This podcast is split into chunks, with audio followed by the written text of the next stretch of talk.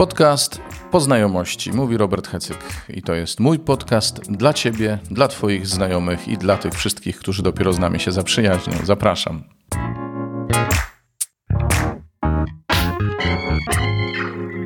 Witajcie w kolejnym odcinku podcastu. Jak to mawiał Jarząbek, tydzień temu nie nagrywałem, ale nie dlatego, że byłem chory, po prostu się nie udało nagrać. Natomiast w przyszłym tygodniu Y, tylko że na kanale Keka.net, nie tutaj y, w podcaście Poznajomości, będzie można słuchać rekolekcji dla księży. Nie wiem, ilu księży mnie tutaj słucha, natomiast y, w razie gdybyście jakichś mieli zainteresowanych rekolekcjami internetowymi, to e, będę prowadził rekolekcje w Rokitnie dla księży tamtejszej diecezji i pomyślałem sobie, że mogę się nimi podzielić w internecie. Także będę publikował od poniedziałku wieczora do czwartku wieczora e, te właśnie odcinki rekolekcyjne. Natomiast e, przypominam, że mile widziane są ślady Waszej e, obecności w tym podcaście, to znaczy gdziekolwiek jesteście, czy to w programie podcastowym. Fajnie, gdybyście zasubskrybowali ten podcast, a może i inne, typu Kekakonet na przykład YouTubie, ustawcie sobie powiadomienia, e, komentujcie na Facebooku, na Agape. E, wszystko po to, e, żeby Słowo Boże mogło biec, żebyśmy zataczali jak najszersze kręgi i żeby wielu ludzi usłyszało Ewangelię. To tyle na dzisiaj. Zapraszam do słuchania słowa z dzisiejszej Eucharystii, którą właśnie przed chwilą skończyliśmy. A tak w ogóle to do usłyszenia następnym razem.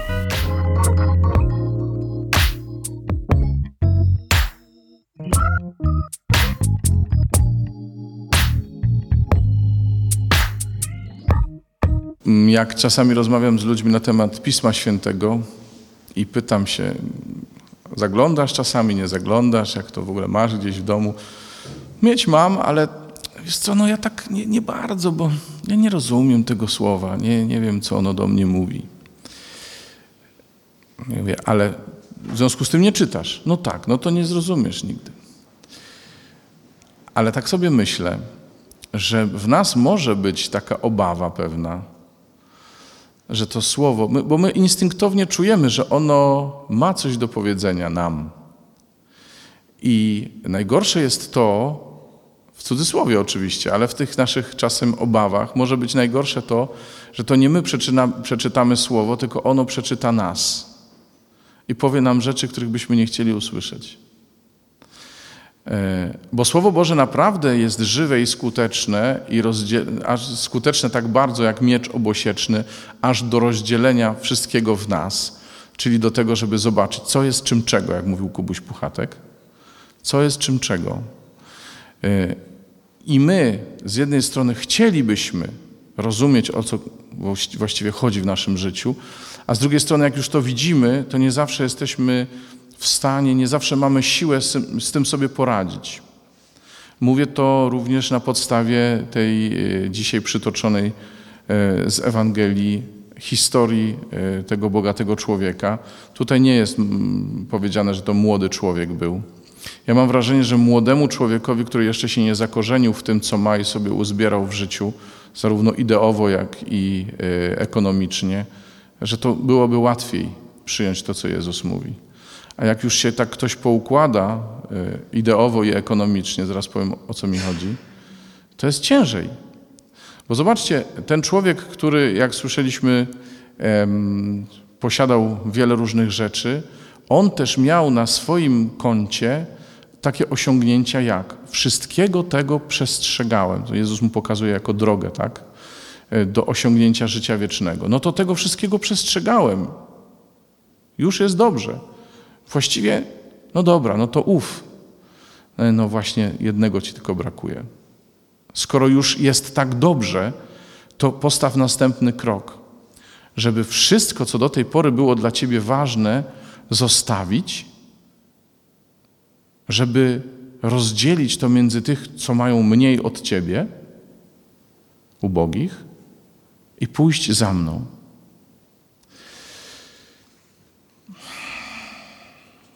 To była kwestia decyzji, wyboru. E, w latach 80., dokładnie w 80, w 84 roku, bo sobie sprawdziłem, Komitet Centralny Polskiej Zjednoczonej Partii Robotniczej wydał taką deklarację programową zatytułowaną O co walczymy, dokąd zmierzamy. To mi bardzo pasuje tutaj, dlatego że e, czasami gdzie indziej chcemy dojść i o co innego walczymy. Bo my byśmy chcieli, wszyscy jakoś tam instynktownie chcemy mieć coś wspólnego z wiecznością.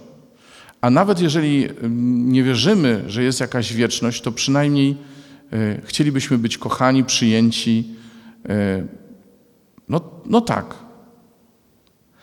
A z drugiej strony walczymy o to, żeby coś w życiu od nas zależało, żeby mieć najlepiej więcej niż inni, żeby coś zgromadzić, nawet jeżeli to będzie tylko dobre imię, które, o które walczymy, nie? wizerunek, y, pieniądze dla jednych są ważniejsze, dla innych mniej, ale ogólnie rzecz biorąc, szukamy recept, żeby to osiągnąć. I to życie wieczne dla tego człowieka, który przybiegł do Pana Jezusa na, na, moment przed Jego odejściem, żeby tylko jeszcze zdążyć się załapać, żeby zdążyć zadać to pytanie temu słynnemu nauczycielowi, to my zadajemy to pytanie, ale właściwie chodzi nam czasem o coś innego, mam takie wrażenie. Tymczasem dzisiaj Jezus stawia nas przed wyborem. To co? W którą stronę? I zobaczcie, mamy y, Piotra i mamy tego bogatego człowieka. I oni mają tę samą trudność. Oni mają tę samą trudność. O rany, to ciężko. I, I Piotr przy innych okazjach też pokazywał swoją słabość, swoje trudności. Była kwestia przebaczenia. To ile razy ja mam temu bliźniemu przebaczyć? Aż siedem razy? Boże. Nie, 7, tylko 70 razy 7 albo 77. Matko jedyna. Piotr, nie? Albo nierozerwalność małżeńska? No to się nie opłaca żenić w ogóle. Czyli, rozumiesz, to nie jest tak, że człowiek, który się zdecydował na to, żeby być z Jezusem, ma jakieś inne problemy niż inni ludzie na świecie. Mamy te same problemy. Kwestia jest tym, co wybierzemy w życiu. Co wybierzemy i komu zaufamy. Y, dzisiaj jest mnóstwo różnego rodzaju ofert i poglądów, i jakbym miał szukać y, w życiu, za każdym razem sprawdzać wszystko, co słyszę, o czym jestem przekonany, to musiałbym, musiałbym zostać naukowcem, historykiem, musiałbym mieć ludzi, którzy by wiedzieli, co się naprawdę myśli w świecie polityki. Znaczy, musiałbym być ekonomistą, wszystko bym musiał wiedzieć. Czyli musiałbym zgromadzić całą wiedzę tego świata, najlepiej mieć Google'a w małym palcu. No i, i tak prawdopodobnie nie umiałbym tym zarządzić i rozstrzygnąć o co właściwie chodzi. I dlatego e, muszę wiedzieć, kto dla mnie jest wiarygodny na świecie. E, komu ja mogę uwierzyć, a komu uwierzyć raczej nie warto. I tak samo jest e, z moim życiowym credo, z moimi życiowymi decyzjami, z tym, o co w ogóle chodzi w moim życiu. Muszę wiedzieć, za kim pójdę, bo sam wszystkiego nie udźwignę. Sam wszystkiego nie udźwignę. Bogaty młodzieniec, czy ten bogaty człowiek, bo mówimy, że to nie jest tutaj napisane nic, że on był młody, ten bogaty człowiek y, nie udźwignął tematu pozostawienia wszystkiego. Nie udźwignął tego. To było dla niego zbyt ważne, ale w związku z tym musiał się dalej borykać z pytaniem, to którędy do nieba i za ile ten bilet. To była dla niego cena nie do zapłacenia. Myślę sobie tak, Słowo Boże dzisiaj pokazuje nam w pierwszym czytaniu, na czym by polegała ta prawdziwa mądrość i skąd ona się bierze.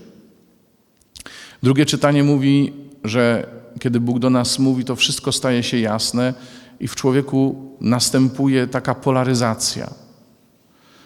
I od nas zależy, słuchajcie, y, który biegun tej polaryzacji, tego rozdwojenia, wybierzemy, za czym my pójdziemy, na co my postawimy w życiu. Dzisiaj mam taką propozycję dla Ciebie, żeby to był wybór Jezusa, żeby to był wybór, który będzie na wieczność. Bo jak to Pascal powiedział, jeżeli życie wieczne istnieje, jeżeli jest Bóg, to decydując się na Niego, wszystko zyskujemy. A jeżeli Go nie ma i, i tak się na Niego zdecydujemy, to nic nie tracimy. Coś w tym jest. E, nie tracimy nic, bo stajemy się lepsi, bo stajemy się bardziej wolni. To, że na przykład nie zależy od tego, co posiadam, od moich bogactw, czy one są duże, czy, czy małe, e, to też jest wolność. Zobaczcie, dla każdego z nas to jest inna wolność od pieniędzy. Dla tych, którzy tu, tu, mieszkają, to jest wolność, która wynika z tego, że my rzeczywiście nic nie posiadamy. Żaden z nas nie może decydować o żadnych pieniądzach, nawet od pięciu złotych. I, y, i, i żyjemy tu.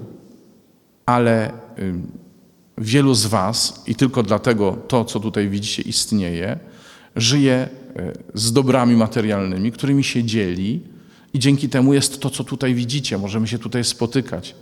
Więc ubóstwem, i powtarzam to za naszym e, założycielem, nie jest to ubóstwo nieposiadania, ale tak naprawdę jest gotowość dzielenia się, bo wtedy okazuje się, czy ja jestem rzeczywiście uzależniony od tego, e, co mam, czy nie. I podobnie jest w sferze życia duchowego. Ubóstwo nie polega na tym, czy ja jestem wystarczająco wytrenowany duchowo, i czy ja już wszystkie cnoty chrześcijańskie e, praktykuję, tylko moje cnoty chrześcijańskie będą wynikać z tego, czy miałem odwagę zostawić wszystko inne i pójść za Jezusem.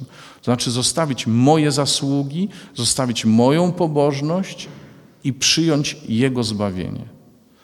Bo nie przez chodzenie do kościoła, nie przez y, dobre uczynki się zbawiamy, tylko przez ofiarę Jezusa, która jest za darmo dla nas. A każde dobro, które czynimy, to jest tylko odpowiedź na to. I gdyby ten bogaty człowiek zdecydował się na to, nie odszedłby zasmucony. A Piotr, który mimo, że mu było ciężko, wytrzymał jakoś temat, stał się potem fundamentem Kościoła. Więc życzę sobie i Wam, żebyśmy byli dla Kościoła, nie mówię papieżami od razu, ale żebyśmy byli dla Kościoła e, takimi e, skałami, na których ludzie mogą się oprzeć. Żeby ci, którzy nas spotkają, mogli się na nas oprzeć, żeby wiedzieli, że w naszym życiu chodzi o coś więcej niż tylko o to, żeby samemu mieć. Żeby oni wiedzieli, że kiedy się z nimi dzielimy, to dzielimy się według hojności Bożej, według decyzji, e, według tego wyboru, jaki podjęliśmy, że jednak walczymy o to, dokąd zmierzamy że chcemy iść tam i o to tylko walczymy, a nie o to, żeby coś mieć dla siebie i żeby zdobywać i żeby mieć to tylko y, przez pewien czas. Więc tej stałości i tego bycia skałą y, i tej wolności y, w dzieleniu się sobą i tym, co mamy, i przede wszystkim tej wolności, żeby zdecydować się na Jezusa, życzę sobie i Wam z całego serca. Amen.